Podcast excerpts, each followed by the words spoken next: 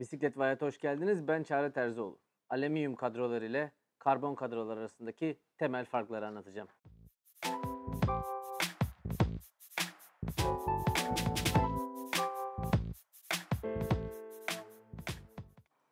Günümüzde çelik, karbon, titanyum, alüminyum, bambu ve daha birçok malzemeden birçok farklı çeşitte bisiklet kadrosu üretilmekte. Fakat bir bisiklet mağazasına gittiğiniz zaman en çok gördüğünüz kadro malzemesi alüminyum ya da karbon. Bunun sebebi ise çelik malzemenin daha çok ucuz bisikletlerde ya da özel üretim bisikletlerde, titanyumun ise yine özel üretim bisikletlerde ya da çok pahalı bisikletlerde kullanılıyor olması. Bu sebeple bu videomuzun konusu da alüminyum ve karbon malzemeler olacak.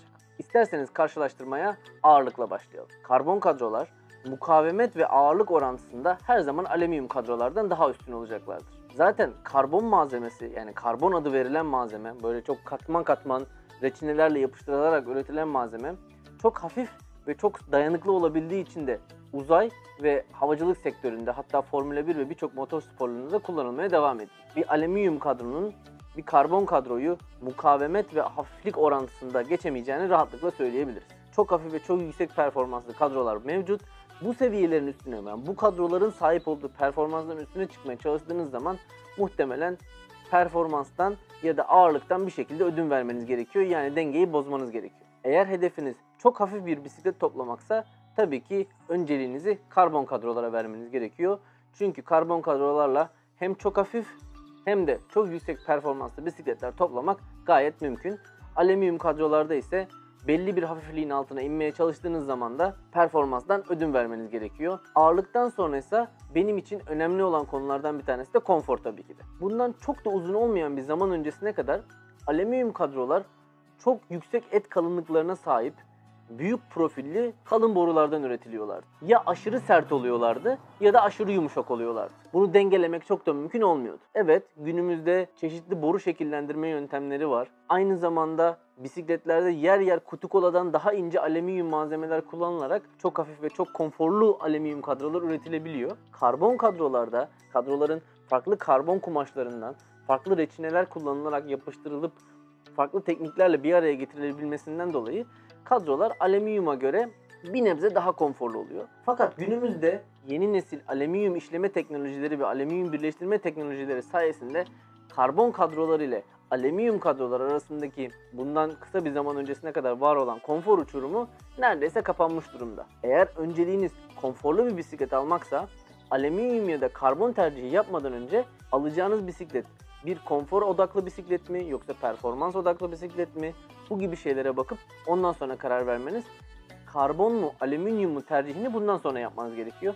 Konfordan sonraki önemli bir konu ise tabii ki de hepimiz için, hepimizin ilk olarak ön planda tuttuğu sürüş dinamikleri. Şimdi şöyle bir şey var. Karbon kadrolar yapılarından dolayı alın borusunda rigid, orta göbekte rigid, arka çeki borularında biraz daha esnek, üst boruda biraz daha esnek yapılarak konfor, performans ve yol tutuş dinamikleri çok hassas bir şekilde ayarlanabiliyor. Bunu alüminyum kadrolarla karşılaştırdığınız zaman her ne kadar hidroforming, boru kalınlıkları, boru çeşitleri, kaynak teknikleri ne kadar gelişmiş olursa olsun alüminyum kadroların sürüş özelliklerini, sürüş dinamiklerini, sürüş hissiyatını karbon kadrolardaki kadar hassas ayarlamak pek de mümkün olmuyor. Çünkü bir alüminyum kadro üretilirken temel sürüş karakteristiğini seçilen alüminyum malzemesi veriyor. Bir karbon kadroyla bir alüminyum kadroyu sürüş karakteristikleri konusunda karşı karşıya getirdiğiniz zaman tabii ki de bir karbon kadro üretim teknolojilerinin verdiği avantajdan dolayı alüminyum kadronun önüne geçmiş oluyor. Sürüş dinamiklerinden sonra önemli noktalardan biri de sağlamlık. Bisiklete yeni başlayan birçok arkadaşım karbon kadronun çok kırılgan ve tamir edilmesi zor, bazen de imkansız olduğunu düşünebilirler. Karbon malzemesi Formula 1'de, uzay teknolojilerinde, motor sporlarında ve daha birçok yerde kullanılıyor. Karbon malzemeler son derece hafif ve son derece dayanıklı şekilde üretilebiliyor. Tabii ki karbon kadroların sağlamlık açısından dezavantajları yok değil. Mesela karbon kadrolar noktasal darbelere yani işte düştüğünüz efendim bir kaldırımın kenarına çarptı ya da düştüğünüz bir taşa çarptı gibi yerlerde alüminyum kadrolara göre biraz daha hassaslar. Çünkü noktasal darbelere daha az dayanıklılar alüminyum kadrolara göre. Ya da noktasal bir darbe aldıklarında kırılıp kullanılmaz hale gelebilirlerken alüminyum kadrolar genelde bu tip darbe aldıklarında ezilseler bile kullanmaya bir süre daha devam edebiliyorsunuz. Fakat bunun yanında karbon kadrolar eğer hani böyle kırılıp paramparça olmadılarsa e, bir şekilde günümüzde orijinali gibi olmasa bile tamir edilmeleri mümkün malzemeler. Tabii ki alüminyum kadroların da dezavantajları var. Kadronun kaynaklardan uzak, boruların orta kısmında kalan bir yerlerde bir yırtık ya da benzer bir hasarı varsa kaynatılarak tamir edilmesi pek de mümkün değil. Aynı şekilde kaynak bölgelerinde bir açılma, çatlama gibi durumlar varsa bunlar kaynakla düzeltilebiliyorlar.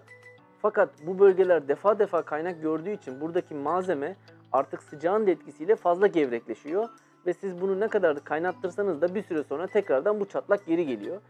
Ee, günümüzde artık alüminyum ve karbon kadrolar sağlamlık açısından neredeyse birbirine eşittir diyebiliriz. Eğer bir karbon kadroyu kullanılamaz hale getirecek kadar bir kaza geçirirseniz zaten eğer bir alüminyum kadronuz da varsa kullanılmaz hale gelmesinin kaçınılmaz olduğunu söyleyebiliriz. Bunun yanında tabii bu kadroların bir de ömür meselesi var. Ee, beni takip edenler bilirler. Çok yerde çok zaman bunu paylaşmışımdır. Karbon kadrolar e, kullanım ömrüne sahiptir. Bir süre sonra yumuşamaya başlar ya da bir süre sonra özelliklerini kaybedebilirler. Kaybetmeye başlarlar. Hissedilebilir miktarda olur ya da hissedilemez miktarda olur. 10 yılda olur, 20 yılda olur.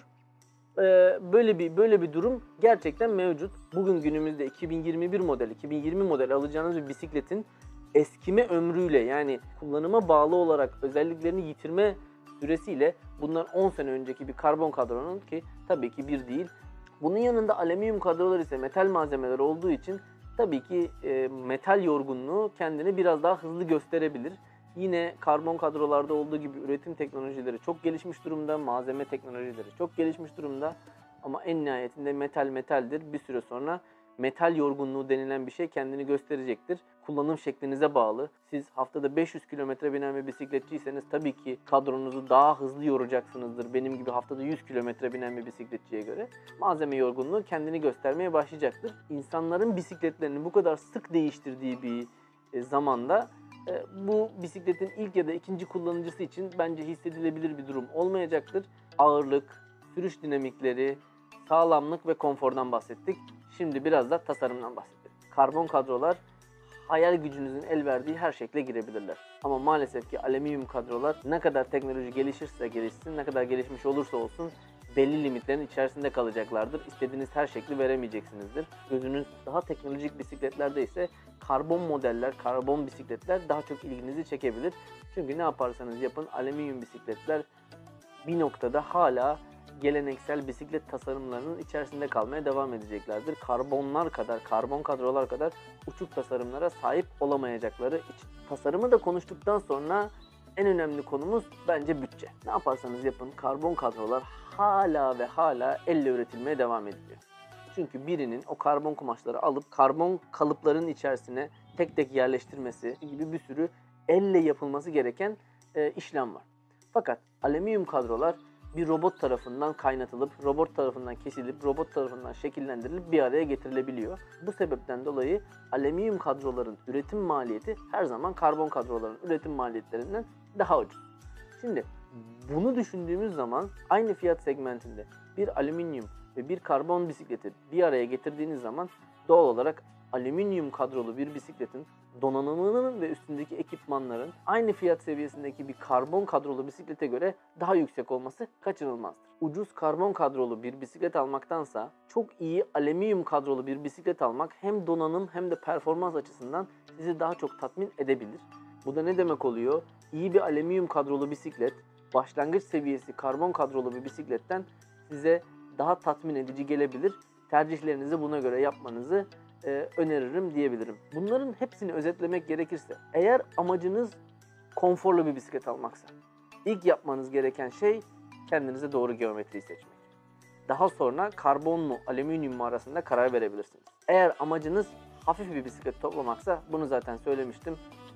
Tek çözümünüz iyi bir karbon kadro almak olacak. Eğer bisiklet seçerken bütçede takılıyorsanız ve elinizde aynı parayı alabileceğiniz bir karbon, bir de alüminyum bisiklet varsa ve alüminyum bisiklet size karbondan daha fazla şey vaat ediyorsa bence hiç çekinmeden alüminyum olanı tercih edebilirsiniz. Umuyorum ki bugün anlattıklarım sizler için faydalı olmuştur. Eğer siz de bu anlattıklarımı beğendiyseniz bir sonraki videoya kadar takipte, sağlıklı ve bisiklette kalın diyorum. Görüşmek üzere.